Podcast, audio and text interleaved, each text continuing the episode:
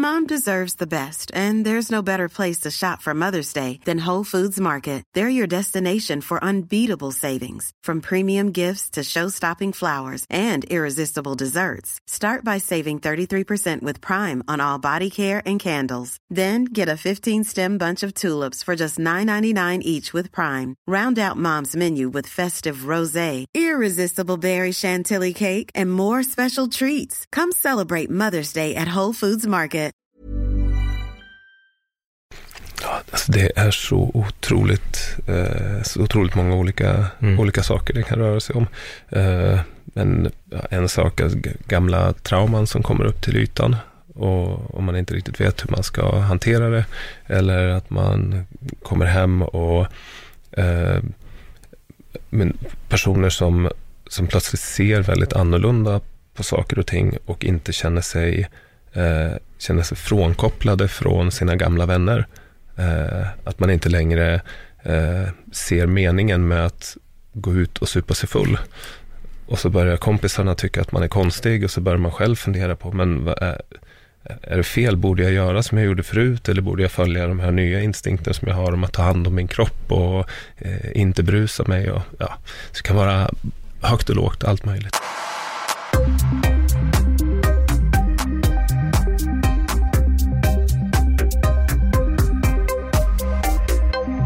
Johan Eriksson, välkommen till Öppet sinne. Tack så mycket, trevligt att vara här. Ja, nu blir det här tredje gången i den här podden som det kommer att diskuteras eh, lite psykedeler och dels dess framgång på, det, på forskningssidan. Du är dels legitimerad psykolog och du är även vice ordförande för Nätverket för psykedelisk vetenskap. Stämmer bra. Om man bara summerar liksom Nätverket för psykedelisk vetenskap, vad, vad är det ni gör? Så Nätverket för psykedelisk vetenskap är en eh, ideell förening som startade för fyra år sedan. Eh, och det vi gör är att vi, ja, vi försöker att sprida den forskning som man har gjort på psykedeliska substanser eh, till allmänheten. Eh, vi började uppmärksamma den här forskningen för ja, alla på varsitt håll. Eh, och sen, samtidigt så såg vi att det var ingen som pratade om det här i Sverige. Nej. Så vi tänkte att det här, det här ska vi hjälpa folk med att, att få reda på. Och det finns så mycket fördomar angående psykedeliska preparat och det är så mycket ja, myter och konstiga saker kring det. Så vi tänkte att vi vill bara föra fram den forskning som finns, den data som finns och behandla de här substanserna rent objektivt Mm. för att se ifall att det finns något, ja, något värde att titta vidare på de här och framförallt att titta vidare på hur de här substanserna kan användas i psykiatri eller för att bota olika former av psykologiska problem. För det som överraskade mig ganska mycket när jag, dels har jag hittat, eh, hittade ju såklart er, jag har hittat väldigt mycket information genom er, jag följer er på Facebook och eh, det som förvånade mig när jag började, alltså, precis som du säger, det, det finns mycket myter och skrönor om dessa substanser och när jag väl backade bandet ganska långt bak så såg jag att det gjordes ju rigorös forskning på dessa substanser. Nu minns jag inte exakt åren, om det är runt 50, 60 och 70-talet. Var vi på 70-talet det stängdes igen? Eller? Slutet av 60-talet stängdes ner, Ja. så det var framförallt på 50 och första halvan av 60-talet som det gjordes eh, otroligt mycket studier. Ja, Så, eh, vi pratar om över tusen eh, artiklar på, eller tusen studier på de här substanserna.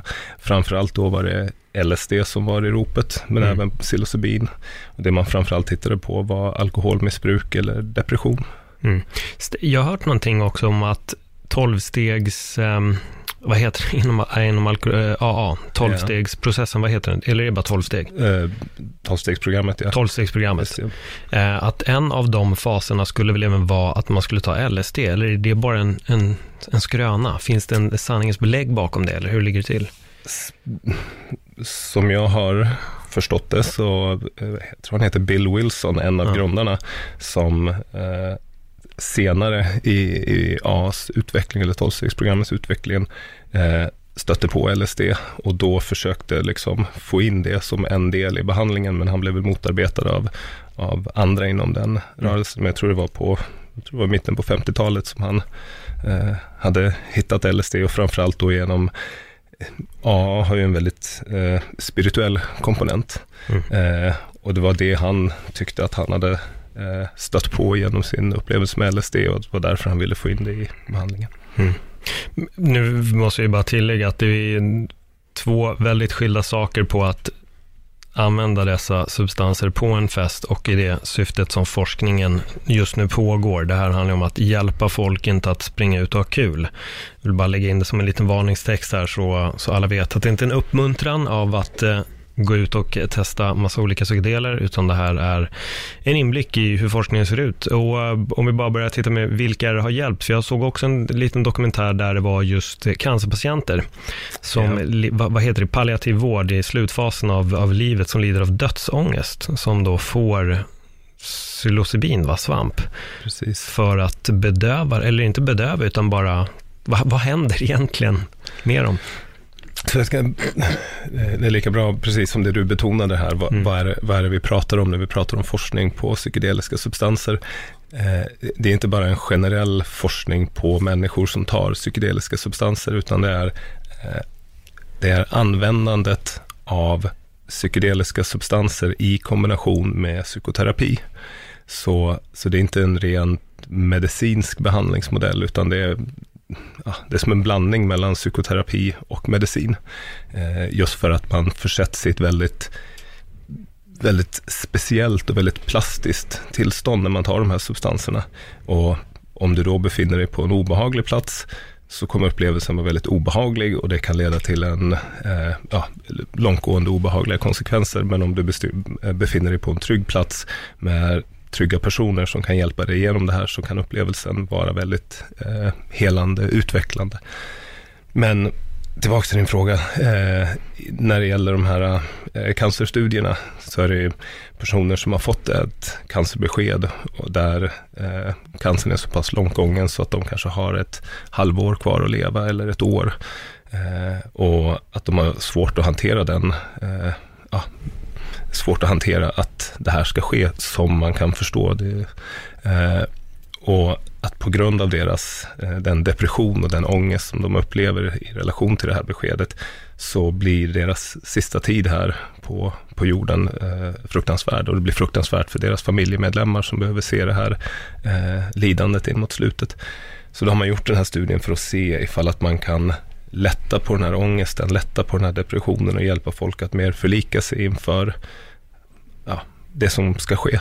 Eh, Döden, och, rent krasst. Precis. Mm. Och, och då har man sett att det har fått eh, ja, otroligt lovande resultat. Det är ganska stora studier också. Jag tror att det är runt, det gjordes en studie vid Johns Hopkins universitetet. Jag tror att det är runt 70 deltagare, en annan vid eh, uh, New York University med runt 60 deltagare också. Så var det en lite mindre studie i Los Angeles. Och ja, det är ju det är otroligt fina historier som man mm. läser när man läser de kvalitativa rapporterna från de här studierna. Människor som har varit liksom helt, eh, ja, helt liksom utzoomade och liksom oförmögna att vara i kontakt med sin familj och, och bara liksom ja, lida in i det sista till att de har kunnat öppna upp och ja, förlika sig, med, förlika sig med döden och kunna ha kontakt med sina nära och kära och till och med i vissa fall stötta dem eller stötta andra människor som är i det här. Men, men vet, man, vet man vad det är som gör att att man kan förlika sig med döden och bara få en acceptans. För det låter som att det är det de gör, acceptans. Det är någonting som, nej men, det låter kanske banalt att jämföra det med döden, men att till exempel bada isvak, så handlar det om att acceptera kylan och då blir helt plötsligt isvaksbadandet okej. Okay. Man accepterar att det är kallt och då, då går det. Men när man ska sträta emot, då blir det skitjobb och då vill man ut. Det känns ju som att helt plötsligt så accepterar de faktumet att de ska dö, dö och då är man okej okay med det. Ja, det jag skulle absolut säga att det är en, en central komponent. Ja. Eh, jag skulle säga rent generellt att, att få ett helt nytt perspektiv. Mm. Eh, som, så, så än så länge ska jag säga att, att vi, vi vet ganska lite om varför de här, eh, varför de här eh, substanserna hjälper. Jag ska också säga, om det nu är så att de hjälper. För det är fortfarande så att studierna är relativt små för att vi säkert ska kunna säga att de här, de här eh, behandlingarna hjälper faktiskt så behöver vi ha större studier. Det är större studier på gång, eh, men vi kommer att få vänta några år innan de resultaten är inne. Så än så länge så vill jag säga att vi, vi kan inte helt säkert säga, men vi kan säga att det verkar väldigt lovande. Mm. Så om det skulle visa sig att det här eh, fungerar även i stora studier, så har vi fortfarande mycket arbete att göra för att förstå vad det är som sker. Och det finns en del spekulationer och, eh, och, och, teorier helt enkelt. Eh, jag kan ta en, en, eh, ett mått som man har använt för att se eh, för att se vad det är som, vad det är som gör att man eh, att de här resultaten Okej, okay, ja. Eh, så en sak som verkar vara central är upplevelsen i sig. Så, eh, så det är inte bara att det är någonting som händer i, i hjärnan eller i kroppen på grund av att man tar de här substanserna, utan det är en, en viss upplevelse man får. Så det man har mätt är att man har mätt någonting som man kallar för mystisk upplevelse.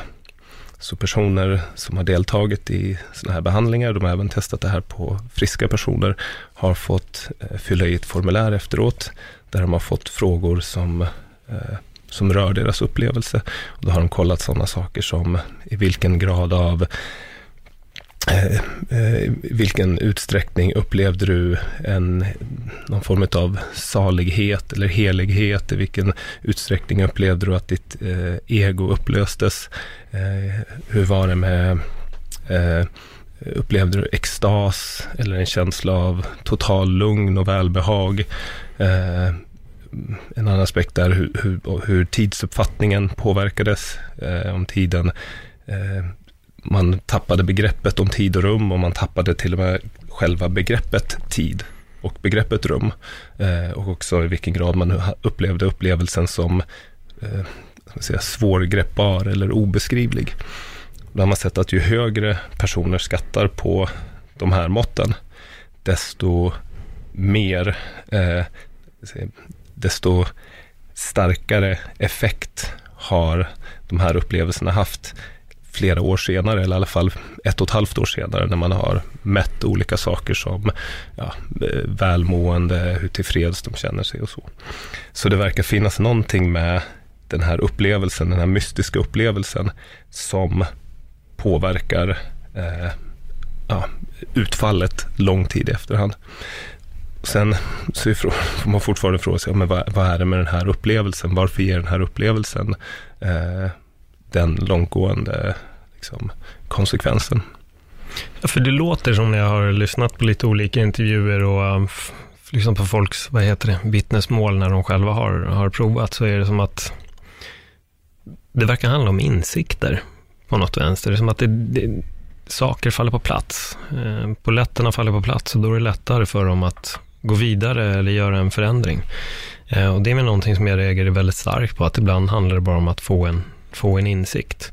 Jag har hållit på att meditera väldigt mycket och jag tycker ibland så är det, när insikterna kommer, då förstår man varför man måste göra en förändring. Ehm, men det är svårt att göra förändringar utan insikt. Och det känns som att det är där det är, men jag vet inte hur man visar det forskningsmässigt.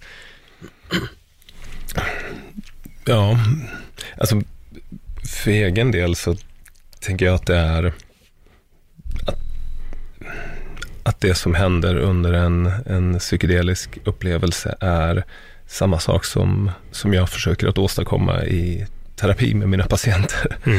eh, så att eh, sådana saker som att, att kunna stanna upp och bli mer, bli mer närvarande och, och accepterande gentemot där man befinner sig. Eh, du pratar om att göra förändringar så det, jag tänker det första man behöver kunna göra innan man gör en förändring, det är att stanna upp och kolla, okej, okay, vart är jag och vart vill jag? Eh, och när vi stannar upp så dyker det upp en massa saker. Det dyker upp en massa känslor, det dyker upp en massa minnen. Och när de dyker upp då har vi den här tendensen att vi vill, att vi vill sticka iväg.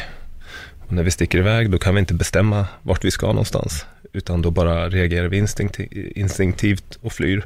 Men genom att stanna kvar och ha den här acceptansen inför att vi har känslor, inför att vi har eh, tankar och att vi har en massa bagage i form av minnen. Då har vi möjligheten att sen röra oss vidare och göra den förändringen som vi vill göra. Mm. Och, och, och de här psykedeliska substanserna verkar ha en, en väldigt stark påverkan på de här processerna. Så. Finns det skillnad på psykedelisk substans och psykedelisk substans, vad de, vad de gör och vad de kan vara bra mot? Har, finns det något sånt som forskningen har pekat på så här långt? Eh, ja och nej. Mm. Så eh, först får man fråga sig, vilka är de psykedeliska substanserna? De, de klassiskt psykedeliska substanserna är i första hand eh, LSD och psilocybin och DMT och meskalin. Meskalin det forskar man en del, det var egentligen den liksom första substansen som man började forska på i väst, men tror jag var, det var kanske redan på 20-talet eller någonting. Jag kan ha fel, det kan ha varit ännu tidigare, men jag tror att det var runt där omkring. Eh, men det är inte så aktuellt idag. Eh, och så då har vi kvar eh, LSD, psilocybin och DMT. LSD och psilocybin är relativt lika varandra. Eh, psilocybin är mycket mer kortverkande. Psilocybin sitter i ungefär 4 till 6 timmar medan LSD sitter i ungefär 10 till 12 timmar. Eh, så av rent forskningsmässiga skäl och behandlingsmässiga skäl så är det mer tympligt att använda sig av psilocybin. Så idag görs det inte så mycket forskning på LSD utan det, det man framförallt använder i dagens forskning är psilocybin. Eh, om vi sen tittar, tittar på DMT så har eh, DMT har mycket eh, kortare verkan. Eh, så det, det, DMT är känt för att man har, det är en, en del av brygden ayahuasca. Mm. Så då blandar man DMT med eh, en annan substans som gör att, eh, eh, som tillsammans skapar en effekt. Och det gör i sig att ayahuasca blir väldigt svårt att forska på, för nu har vi två saker som, vi ska, som ska blandas med varandra och då blir det, massa, blir det oklart vad är det som gör vad. Eh, sen kan man gå vidare till andra substanser som ligger nära psykedeliska substanser. Eh, och då har vi framförallt MDMA, en sån sak som, eh, som är stort just för att man har, eh, man har visat på väldigt lovande resultat just för MDMA, för PTSD. Exakt. Eh, så det är ingen klassisk psykedelisk substans, men den har vissa liknande kvaliteter och framförallt så är eh, behandlingen väldigt lik. Just det att det är psykoterapi, alltså förberedelse för en dosering tillsammans med terapeuter, sen doseringssession när man tar MDMA, tillsammans med sina terapeuter. Sen träffar terapeuten och pratar om upplevelsen och sen tar en dos till och sen pratar.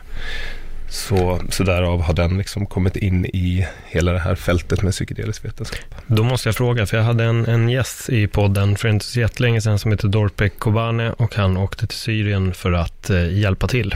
Eh, han lider idag av extrem PTSD. Hur ser PTSD-hjälpen ut idag i Sverige?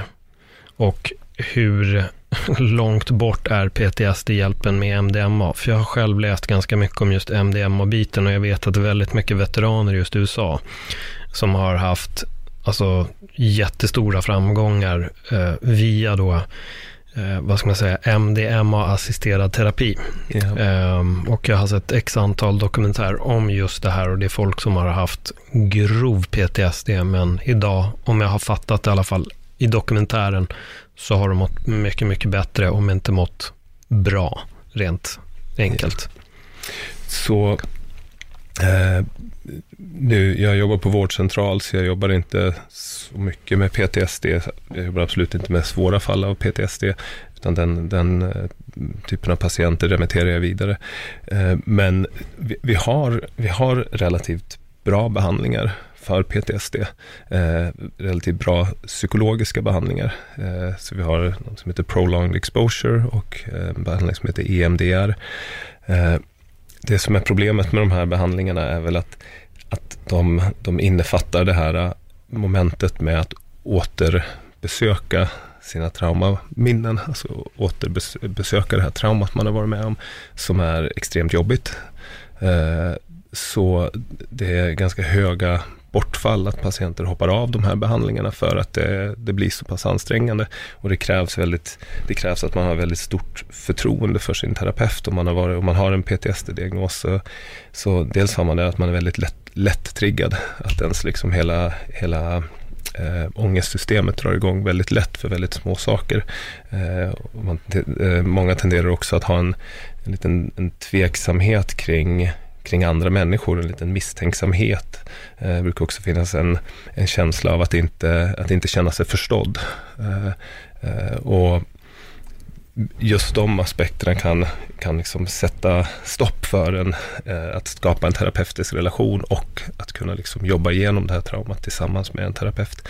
Så utifrån det så är att MDMA är någonting som kan liksom lätta upp det här eh, och få personen att, att eh, på ett enklare sätt komma ner i varv, att eh, lita på sin terapeut, eh, lita på sig själv för att sen i det spacet kunna närma sig sina, sina trauman och sätta dem i en ny kontext. Eh, eh, att skapa liksom mer mening i den upplevelsen man, man har varit med om. Mm. Finns det någon möjlighet att vi kommer kunna se den här hjälpen i, i Sverige i framtiden, tror du?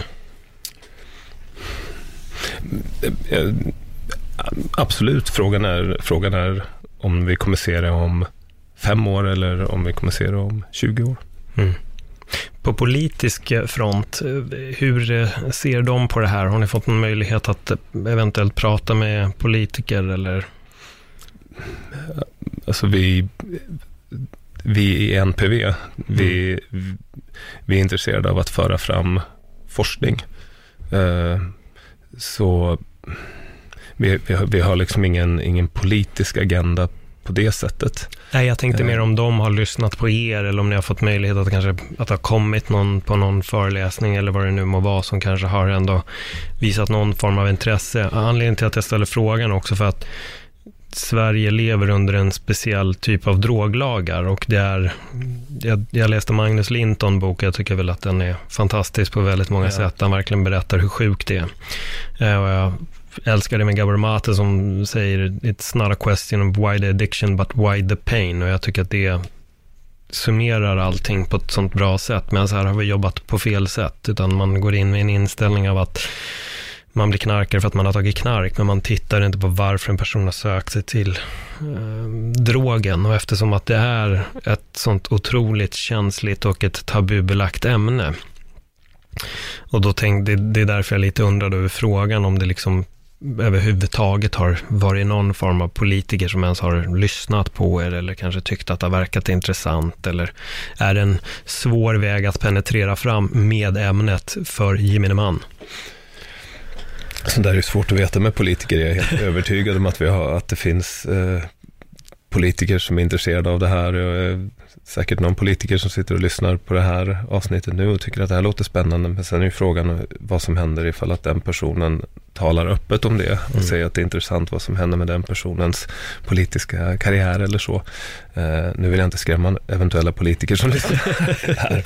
Men så, så, det är svårt, svårt för oss att veta och, och som jag är inne på, för vi, vi det vi i MPV vill, vi vill ju få igång forskning mm. här i Sverige. Eh, och, och för det så är det, det, det, det är ju en del eh, Ja, men det är en del politik kring det. Men, men det är liksom, eh, det är inte inom den partipolitiska sfären, utan det är ju mer att, liksom, att se till att, att det finns tillräckligt många eh, välrenommerade forskare som faktiskt ser den här potentialen, har läst in sig på ämnet och förstår att det här är, det här är någonting vi borde titta vidare på. Hur ser det ut på den svenska for forskningsfronten? Eh, än så länge så händer det ingenting. Eh, men jag, det, är, det är saker på gång och jag, jag eh, hoppas på att det kan komma igång studier eh, här i Sverige eh, inom eh, en eller ett par år i alla fall. Mm. Eh, jag hade ju Henrik Alin i min podd. Eh, Henrik Alin driver ett retreat, ett ayahuasca-retreat, får jag då tillägga, i, i Peru. Och eh, jag vet att om, man, om folk har åkt dit så finns det en möjlighet om de har haft en bra eller kanske en jobbig upplevelse att eh, kontakta dig. För att lite landa liksom i, i det de har upplevt. Eh, vad är det du gör där och vad är, vad är din roll i det, i det sammanhanget? Ja, så om man har haft, om man har haft eh, en sån här upplevelse eh, så, som du är inne på, oavsett om det har varit en, en positiv upplevelse eller om det har varit en, en jobbig och eh, ansträngande upplevelse så, så kan det vara väldigt omvälvande. Om man har varit till exempel i, i Peru, eh, druckit ayahuasca och kommer hem till Sverige och känner att, att det är massa saker som har förändrats. Hela ens världsbild har, har vänts upp och ner och plötsligt så börjar man se saker på ett väldigt annat sätt. Eh, och så kommer man hem och så möter man sin gamla värld, den man, den, där man kommer ifrån innan man åkte iväg. Plötsligt kan man känna sig väldigt missförstådd. Eh, och om vi ser att man mår dåligt och vänder sig till psykiatrin så kan man där ja, men kanske bli ja, antingen bedömd som psykotisk eller eh, stämplad som en missbrukare, så man kanske inte känner sig helt bekväm alla gånger att vända sig till psykiatrin. Eh, och, och, där har jag sett att det kan finnas en eh, eh, ja, men att det kan vara hjälpsamt att prata med en psykolog som har eh, kunskap om de, här, eh, om de här processerna, kunskap om de här eh, substanserna. Mm. Eh, för att hjälpa folk att, ja, att kunna på något sätt integrera den här upplevelsen i sin vardag. Så att man kan skapa mening i, i det man har varit med om och på något sätt använda det till, till att göra positiva förändringar i sitt liv. Mm. Är det många som hör av sig? Det är relativt, relativt eh, nyligen som jag har börjat med det här. Okay. Men, men det är en del, det är många som hör av sig innan de ska åka och eh, liksom bara vill kolla om det är okej okay att höra av sig när de väl kommer hem. Okay. Så att de har den här tryggheten att liksom om det här skulle, skulle, om det skulle vara jobbigt så har jag i alla fall en person som jag kan vända mig till. Och, eh, och det, det är superpositivt. Jag, mm. jag är gärna med och, och bidrar på det sättet. Eh, sen har jag haft lite folk som jag har haft eh, ja, Skype-kontakter med som har bott i andra länder och så. Vad är det för typ av jobbiga upplevelser som man eventuellt hör av sig inför? Om man kan ställa frågan på det sättet. Jag, jag, jag, tänker lite om, om någon, vi säger att någon har åkt dit och så säger de, fan det här var jobbigt liksom, vad är det som är jobbigt? Alltså det är så otroligt, eh, så otroligt många olika, mm. olika saker det kan röra sig om. Eh, men en sak är gamla trauman som kommer upp till ytan. Och om man inte riktigt vet hur man ska hantera det. Eller att man kommer hem och eh, men personer som, som plötsligt ser väldigt annorlunda på saker och ting och inte känner sig eh, känner sig frånkopplade från sina gamla vänner. Eh, att man inte längre eh, ser meningen med att gå ut och supa sig full. Och så börjar kompisarna tycka att man är konstig och så börjar man själv fundera på, men vad är, är det fel? Borde jag göra som jag gjorde förut eller borde jag följa de här nya instinkterna som jag har om att ta hand om min kropp och eh, inte brusa mig? Och, ja, så det kan vara högt och lågt, allt möjligt. Mm. För jag har läst en hel del om egodöd. Yeah. Det tycker jag var ganska intressant. Det verkar som att dels är det någonting som många vill uppleva, har jag fått intrycket av. Samtidigt så känns det också som att när folk väl upplever det så kan det vara otroligt obehagligt. Um, hur, vad är det som händer? Kan man, finns det en förklaring till vad som sker under en egodöd? För att jag har typ för, förstått det, men typ ändå inte. Uh, har du något bra ordval att lägga på en egodöd? Alltså det, det, är fortfarande att vi vet så, vi vet så otroligt lite om de här substanserna. Mm. Så, men ett, ett sätt att försöka förstå det och som, som kan vara en, eh, en eh, som kan vara en, eh, en vettig väg framåt i den frågan är en, en, ett funktionellt nätverk i hjärnan som kallas för the default mode network. Så det är en del av hjärnan som man kan säga, ett funktionellt nätverk som verkar gå igång per default när vi inte gör någonting annat. Eh, så vi kan säga att hjärnan fungerar så att vi har, om vi gör en specifik uppgift, eh, så är det vissa delar av hjärnan som eh, aktiveras. Och när vi slutar med det och inte gör någonting, så går hjärnan in i som ett automatiskt läge.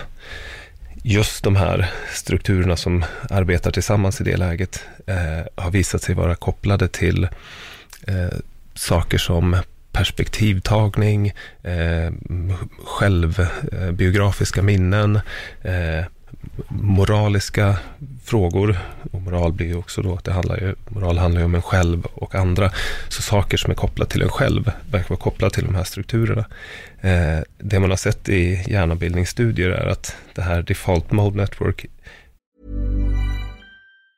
Mom deserves the best, and there's no better place to shop for Mother's Day than Whole Foods Market. They're your destination for unbeatable savings, from premium gifts to show-stopping flowers and irresistible desserts. Start by saving 33% with Prime on all body care and candles. Then get a 15-stem bunch of tulips for just $9.99 each with Prime. Round out Mom's menu with festive rosé, irresistible berry chantilly cake, and more special treats. Come celebrate Mother's Day at Whole Foods Market.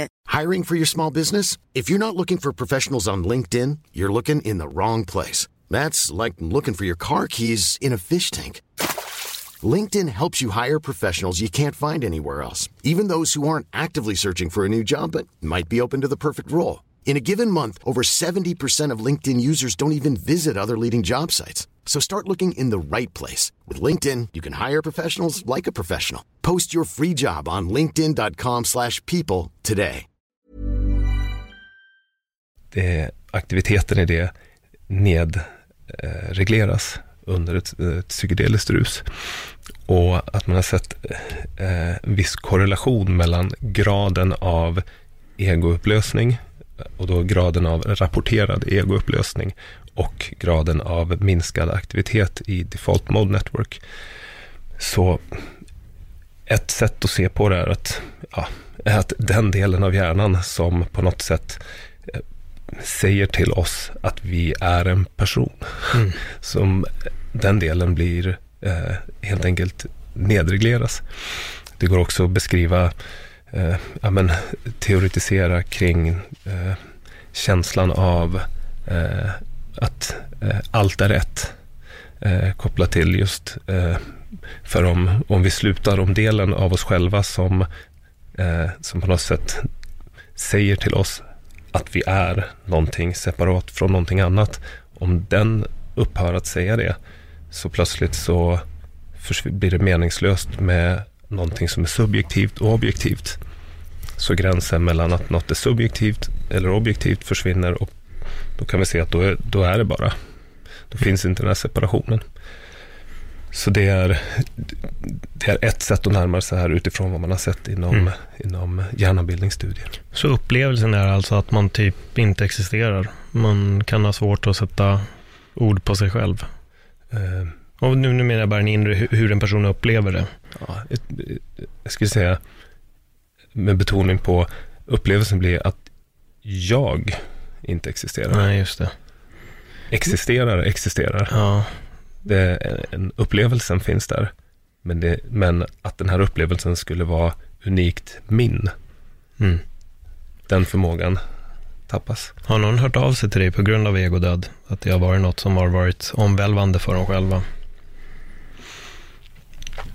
Inte specifikt för det. Uh, från, från mitt perspektiv så, tänk, så har jag alltid tänkt att det, det, liksom, det är en av de centrala delarna i, i, uh, i den psykedeliska upplevelsen. Mm. Och den liksom mest, kanske mest helande. Mm. Uh, På vilket sätt då? Ja, men på det sättet att, att kliva bort från sig själv. Uh, tänker många, liksom många psykologiska problem eh, är, är så starkt knutet till hur man relaterar till sig själv. Eh, och eh, om man tänker en, eh, en, en deprimerad person sitter ofta fast i väldigt självkritiska tankar och en väldigt, liksom, väldigt dyster framtid för sig själv. Eh, och och det, det, blir väldigt, eh, det blir som en, en person hamnar som i en liten bubbla där den relaterar allting negativt till sig själv och det den själv går igenom. Men att liksom börja luckra upp det där och, och på något sätt kliva ut ur den där, den där bubblan och kunna se det från ett litet utanförperspektiv eh, tror jag oerhört eh, hjälpsamt. Vad är det som gör att vi har, jag ska nog säga vi eller många av oss har en tendens att se så otroligt negativt på oss själva?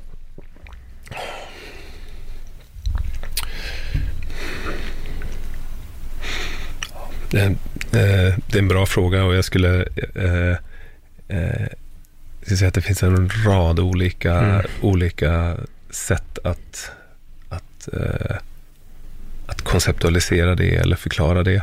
Eh, och, och, och, det är naturligtvis en, en central del i, i psykologisk behandling och i terapi. Eh, men jag skulle säga att det är väldigt eh, det centrala är att se varför gör varje person det istället för att leta efter generella svar mm. till varför vi gör det. Utan varje, vad, vad är det du gör? Vad, vad, vad, är, det som händer när du trycker ner dig själv? Mm.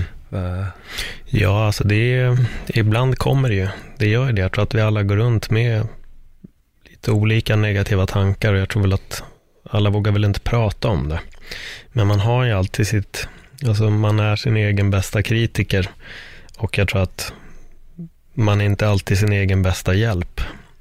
Och där handlar det väl om att våga prata. Jag tror att fördelen för mig har varit i alla fall att jag jag har alltid kunnat prata. Jag har kunnat prata, jag har kunnat gråta om det har behövts. Jag har aldrig behövt stänga in de känslorna. Eh, min egen spekulation är att det i alla fall kunnat hjälpa mig. Men jag vet att jag har många vänner som så fort man börjar peta lite på det som är jobbigt, då hamnar konversationen ganska snabbt någon annanstans. Eh, och det tycker väl jag är en fara, för att jag märker att de står också still. De bedövar sig med, det behöver inte alls vara droger, men det tror jag också är det största så här missuppfattningen om att må dåligt, att folk bedövas ibland med på tok för mycket träning eller att det ska springa och städas, de ska boka upp träffar med vänner och göra 200 andra saker eller sitta och scrolla med mobilen i flera timmar. Jag tror att det är, jag ska inte svära ed på att det är Jung, men det är en, ett citat som är i stil med att Eh, den största rädslan man har är att titta på sig själv så att vi gör istället allt annat för att inte bemöta det inre. Och jag tror att det är det som skrämmer väldigt många med till exempel meditation. Stänga ögonen och börja blunda, helt plötsligt kommer tankarna. Och så säger folk, det här är jobbigt, det vill jag inte göra. Mm. Det är för att det är nu, nu börjar du pocka på dig själv. Nu börjar du ge dig själv din egen uppmärksamhet. Och det är väl det som kanske gör också att jag bara leker med tanken att om man tar en psykedel och inte egentligen ens vågar meditera, ja då kan det ju börja komma en jävla massa skelett ur den garderoben ganska snabbt. Och det är väl därför folk också får liksom snedtändningar för att de är på, vad fan det nu må vara, en fest, ett rave eller Burning Man och så tänker de, det här ska jag prova. Och helt plötsligt så kanske man inser att, oh shit, jag råkade ut för rätt mycket skit när jag var barn. Och då hör man av sig till Johan. Precis. Mm. jag ska säga, eh, eh, min egen ingång i det här mm. eh, startade faktiskt med en riktigt fruktansvärd eh, svamptripp. Okay. Eh, när jag under psykologprogrammet var i eh, under psykologprogrammet var i, eh, i Amsterdam mm. med några vänner eh, och på ett väldigt ansvarslöst sätt tog svampar som är lagliga där. Eh, och det här, var, det här var innan jag hade liksom kommit i kontakt med psykedelisk forskning. Och, typ hur länge sedan var det här? Eh, det här var nog 2006. Okay. Eh, mm. Så, och jag åt de där svamparna och jag hamnade i ett otroligt obehagligt tillstånd. Där jag låg ihopkurad på, i en säng på ett hostel och ja, i vad som kändes som en evighet. eh, med totalt ångest. Och jag, eh, jag fick sådana här känslor från eh, Stanley Kubrick-filmen 2001. Med den här eh, bebisen som flyter runt i rymden. Och att det var jag. Och att det var så här livet var och det skulle pågå för evigt. Eh, och så småningom, liksom, mina kompisar drog ut på stan för de tyckte bara det var jobbigt att vara med mig när jag låg i det där tillståndet. När de kom tillbaks, till, liksom så småningom började jag förstå mer och mer vart vi var och vad som hade hänt.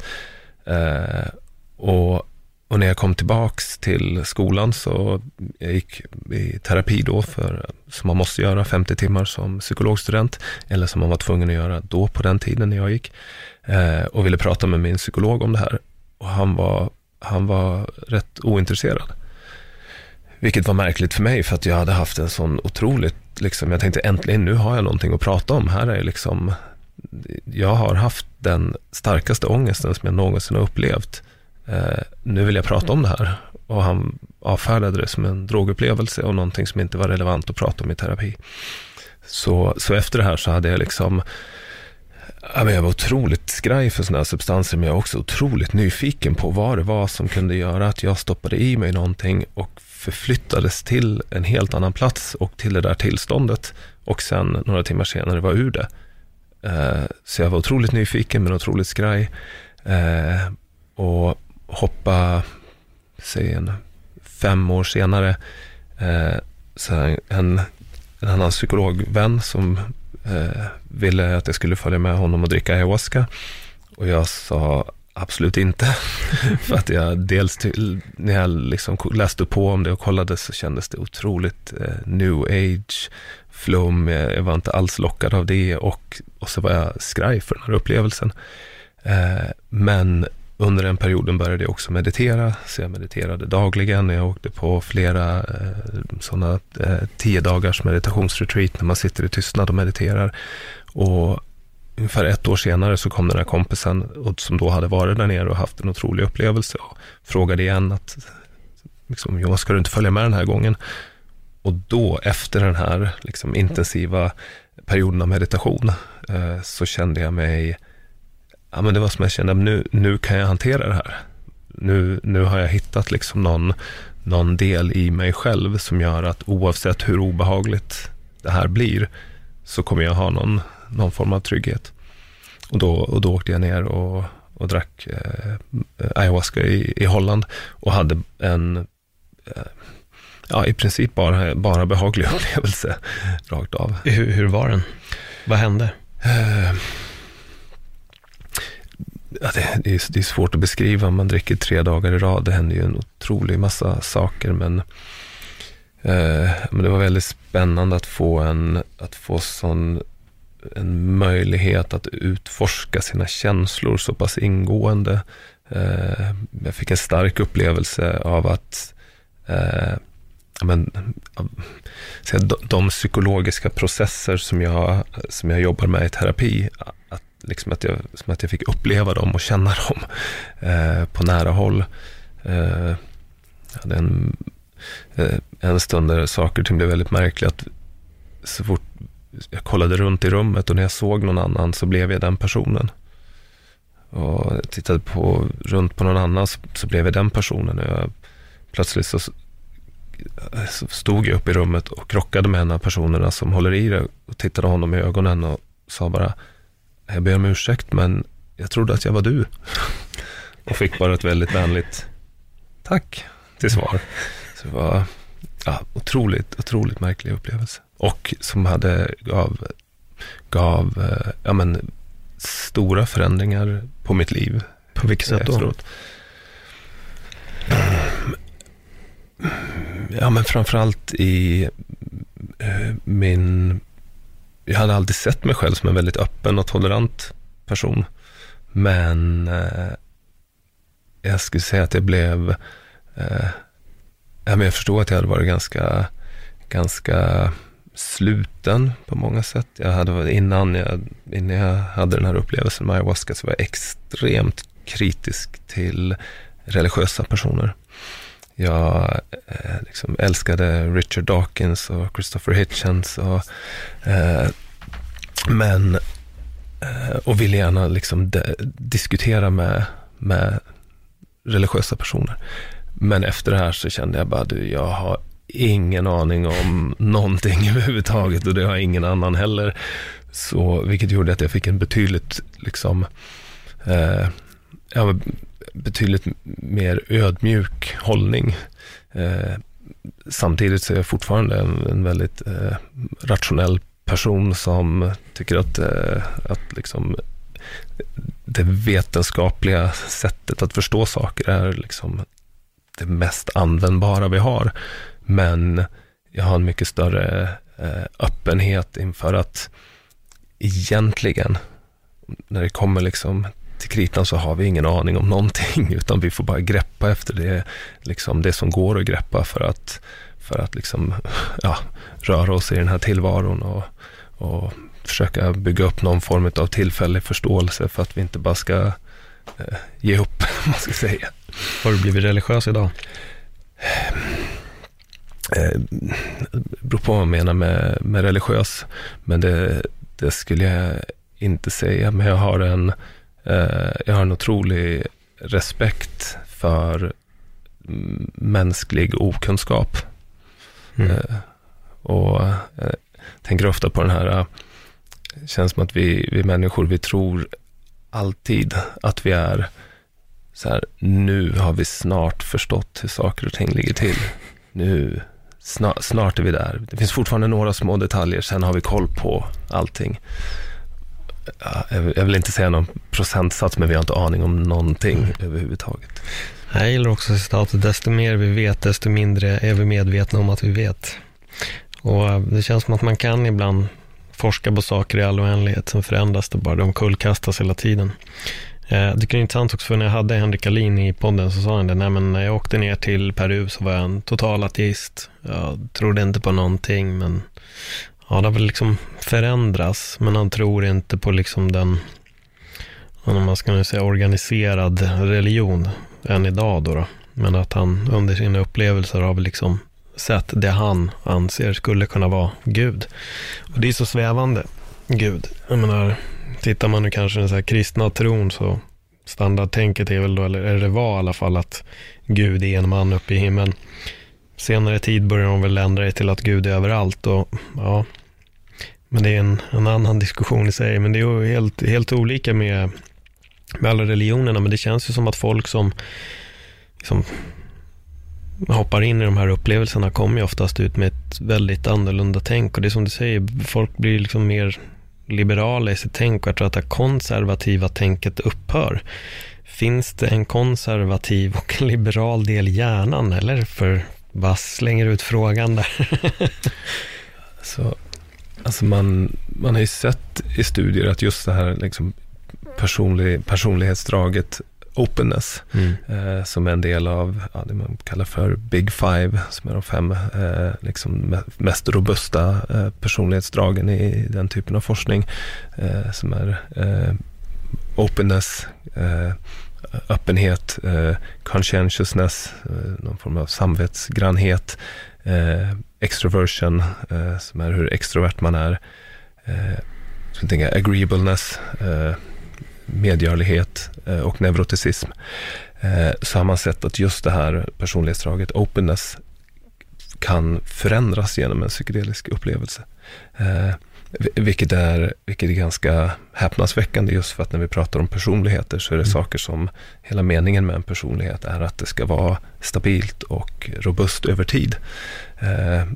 Så någonting verkar de här kunna göra. Eh, det här har man också kunnat sett faktiskt med eh, meditation, med mm. meditatörer som sitter alltså väldigt, väldigt länge. Nu pratar vi inte om att, att sitta med någon, någon eh, att, att, att sitta och meditera någon timme här och var, utan personer som verkligen dedikerat sitter långa, långa, långa retreat kan få de här förändringarna också. Mm. Jag såg på Vice, The Mind Explained tror jag den heter. Där var det dels ett avsnitt om meditation, vilket jag tyckte var superintressant. Och sen var det även ett avsnitt om eh, psykedeler. Eh, där Michael Pollan var med också. Och han har ju skrivit en bok, som bara för det har jag glömt bort vad den heter. Uh, how to change your mind. Just det. Eller psykedelisk renässans som den eh, heter på svenska. Exakt, för den kommer släppas nu va, på den svenska? Den kom i september på Fri Tanke förlag. Den är redan finns. ute? Yes. Okej. Okay. Spännande. För det där såg jag att de gjorde en Kickstarter-variant där för att få den, eh, få den översatt. Yeah. Um, alltså det har ju fått, han har ju synts i alla möjliga medier efter det här, för han jobbade väl med mat innan va? Ja, han är väl lite journalist, så han har skrivit ja. allt möjligt, men det är flera böcker om mat. Vad har responsen varit på den här boken? Har du läst den själv? Uh, ja, uh, jag har inte läst den svenska översättningen, men jag har läst uh, originalet. Den, den, är ju, den är ju fantastisk. Och man pratar med, med några forskare som också jobbar med, med psykedelisk integration i New York, beskrev det som en tydlig pollaneffekt, alltså antalet patienter som hörde av sig till dem mm. eh, efter Pollans bok kom jämfört med före. Så det har fått en, eh, ja, en otrolig, otrolig impact. Mm. Och ja, det, det, blir spännande nu. Vi hade, vi hade eh, Nätverket för psykedelisk vetenskap eh, samarbetade med Fri Tanke om releasen för deras, eh, releasen för den svenska utgåvan här för bara några veckor sedan. Eh, och Michael Pollan kommer att komma hit i eh, december. Okej, okay. hur länge kommer han vara här? Troligtvis så kommer han hit och, på ett eller ett par event. Mm. Och sen åker du vidare till nästa ställe där han får en massa pengar. det, det, brukar vara så. Ja, men det är superspännande. Jag har sett en hel del med honom senaste tiden. Det jag gillat lite med honom var att han hade ju noll erfarenheter av det här. Och klev in med ett väldigt, så här, ska man säga, naivt tänk tror jag han brukar säga ibland för att man vet ingenting eller oskuldsfulla tänket om det. Och, ja, men det var spännande det var väldigt, väldigt spännande att lyssna om hans egna upplevelser och all förändring han har gjort. Och det, det är så otroligt fascinerande att se också hur, vilken förändring det har blivit de senaste åren. Jag menar bara av att det här, det är, du blir en apelsin ungefär om du tar LSD och så tror du att du är en apelsin och är rädd för att någon ska skala dig i resten av ditt liv. Till att helt plötsligt börjar man prata om att det kan hjälpa folk på alla möjliga sätt. Jag har varit väldigt fascinerad med, som ni nämnde, det här med cancerpatienterna. tyckte jag var super, super spännande. Att, att det blir en sån pass förändring på folk. Och jag, du, du, brukar prata om något som heter acceptance and commitment, va? Acceptance and commitment therapy. Vad, vad är det? Eh, det är en terapiform. Eh, en, eh, en terapiform som ligger under KBT-paraplyet, alltså en form av kognitiv beteendeterapi där man fokuserar på att, eh, men, att eh, acceptera, stanna upp och bli närvarande i, eh, i, i, den livssituationen man befinner sig i. Eh, och sen lära sig tekniker, inte för att bli av med obehag eller att bli av med, med jobbiga känslor eller tankar, utan lära sig tekniker för att kunna skapa plats för de här sakerna som finns hos en så att man sen kan börja röra sig i den riktning man vill i livet eh, och skapa, skapa mer hållbarhet eh, i livet. Så eh, och det, det är kanske framförallt just utifrån ACT som jag kände så starkt, liksom var så starkt kopplat till min, min första upplevelse med ayahuasca. Och jag jag, jag, tror att, jag hoppas och tror att, att ACT kommer att ta en allt större, större plats inom eh, psykedelisk forskning. Och det är både på en pågående studie vid Imperial College i London så använder de ett ACT-ramverk eh, som integrationsterapi i psilocybinbehandling som de håller på med. Mm. Eh, och även vid Yale så utgår de från ACT. Eh, och den stora eh, ACT-organisationen i, i världen som heter eh, ACBS eh, kommer att ge ut ett eh, specialnummer om psykedelia och ACT här okay. i slutet av året. Mm. Jag tänker lite för det är ingen hemlighet att folk åker till Peru. Jag har vänner som, som har åkt dit för att, för att dricka ayahuasca.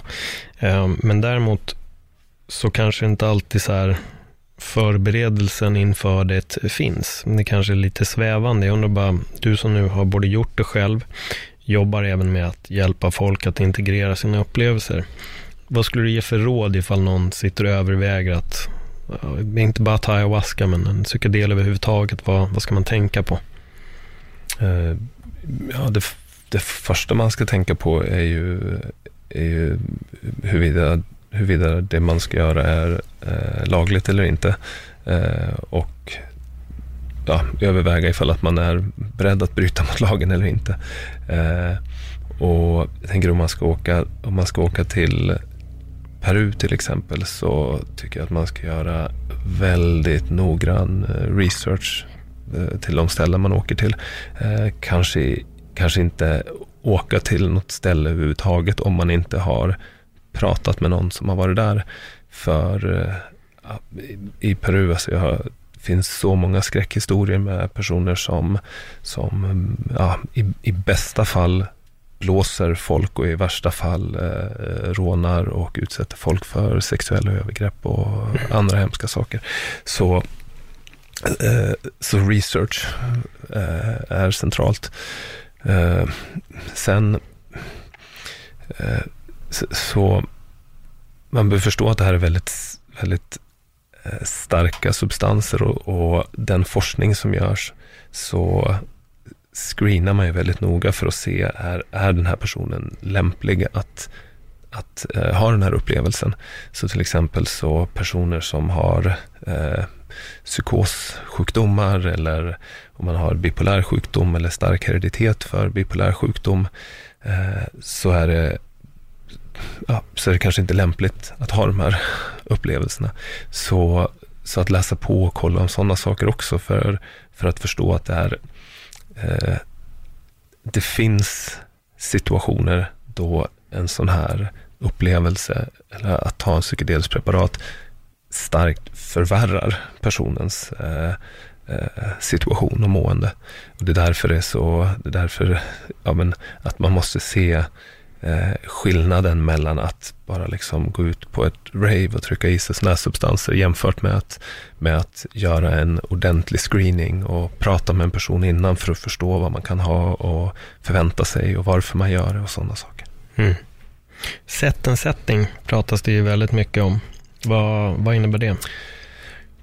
Det, det innebär eh, eh just, just att belysa vikten av Eh, kontextuella faktorer. Med kontextuella faktorer så menar jag vikten av eh, den, eh, det känslomässiga tillståndet en person befinner sig i när de tar substansen och den fysiska platsen som de befinner sig i när de tar den här substansen.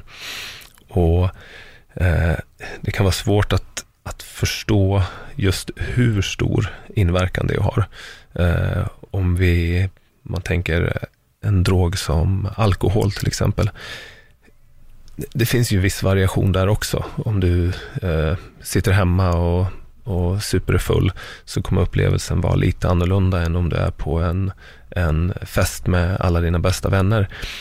Men själva, liksom, eh, själva upplevelsen, det som händer i din kropp är snarlik. Eh, om vi säger att du är på den där stora festen eh, Eh, och sen går du in på toaletten och är själv ett tag, så kommer upplevelsen vara ungefär densamma som när du är hemma själv. Men de här psykedeliska preparaten kan, alltså vart du befinner dig kommer att avgöra helt och hållet hur den här upplevelsen kommer att vara.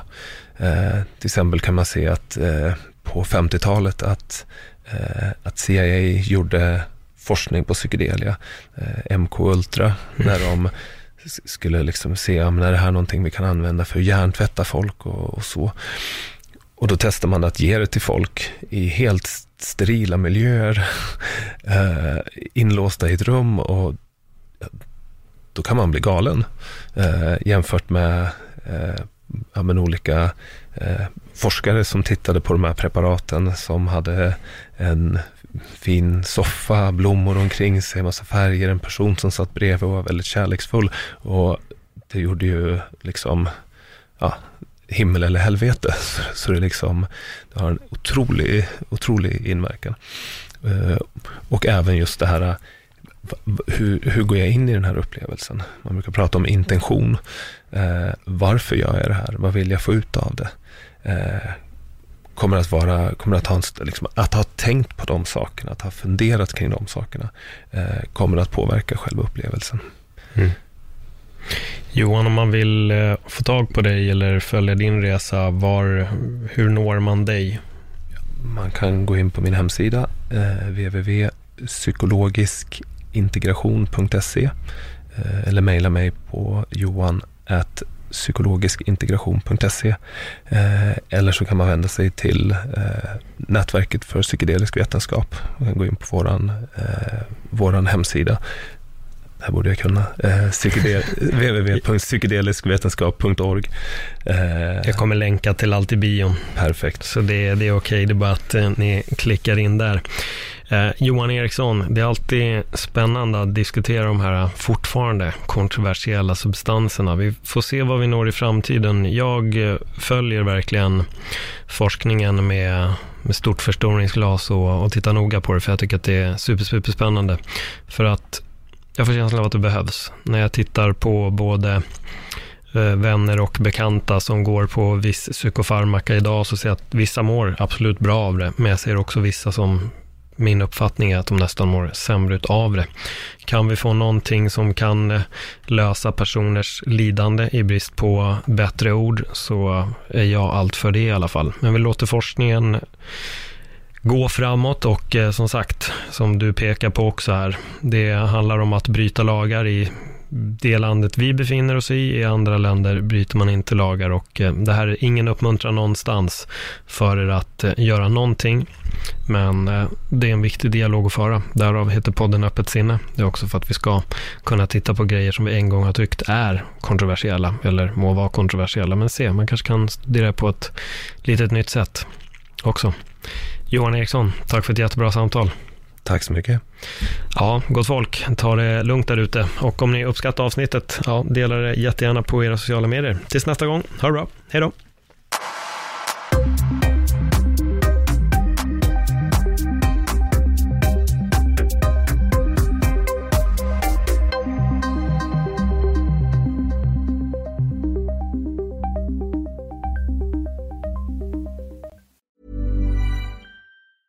Mom deserves the best, and there's no better place to shop for Mother's Day than Whole Foods Market. They're your destination for unbeatable savings, from premium gifts to show-stopping flowers and irresistible desserts. Start by saving 33% with Prime on all body care and candles. Then get a 15-stem bunch of tulips for just $9.99 each with Prime. Round out Mom's menu with festive rosé, irresistible berry chantilly cake, and more special treats. Come celebrate Mother's Day at Whole Foods Market.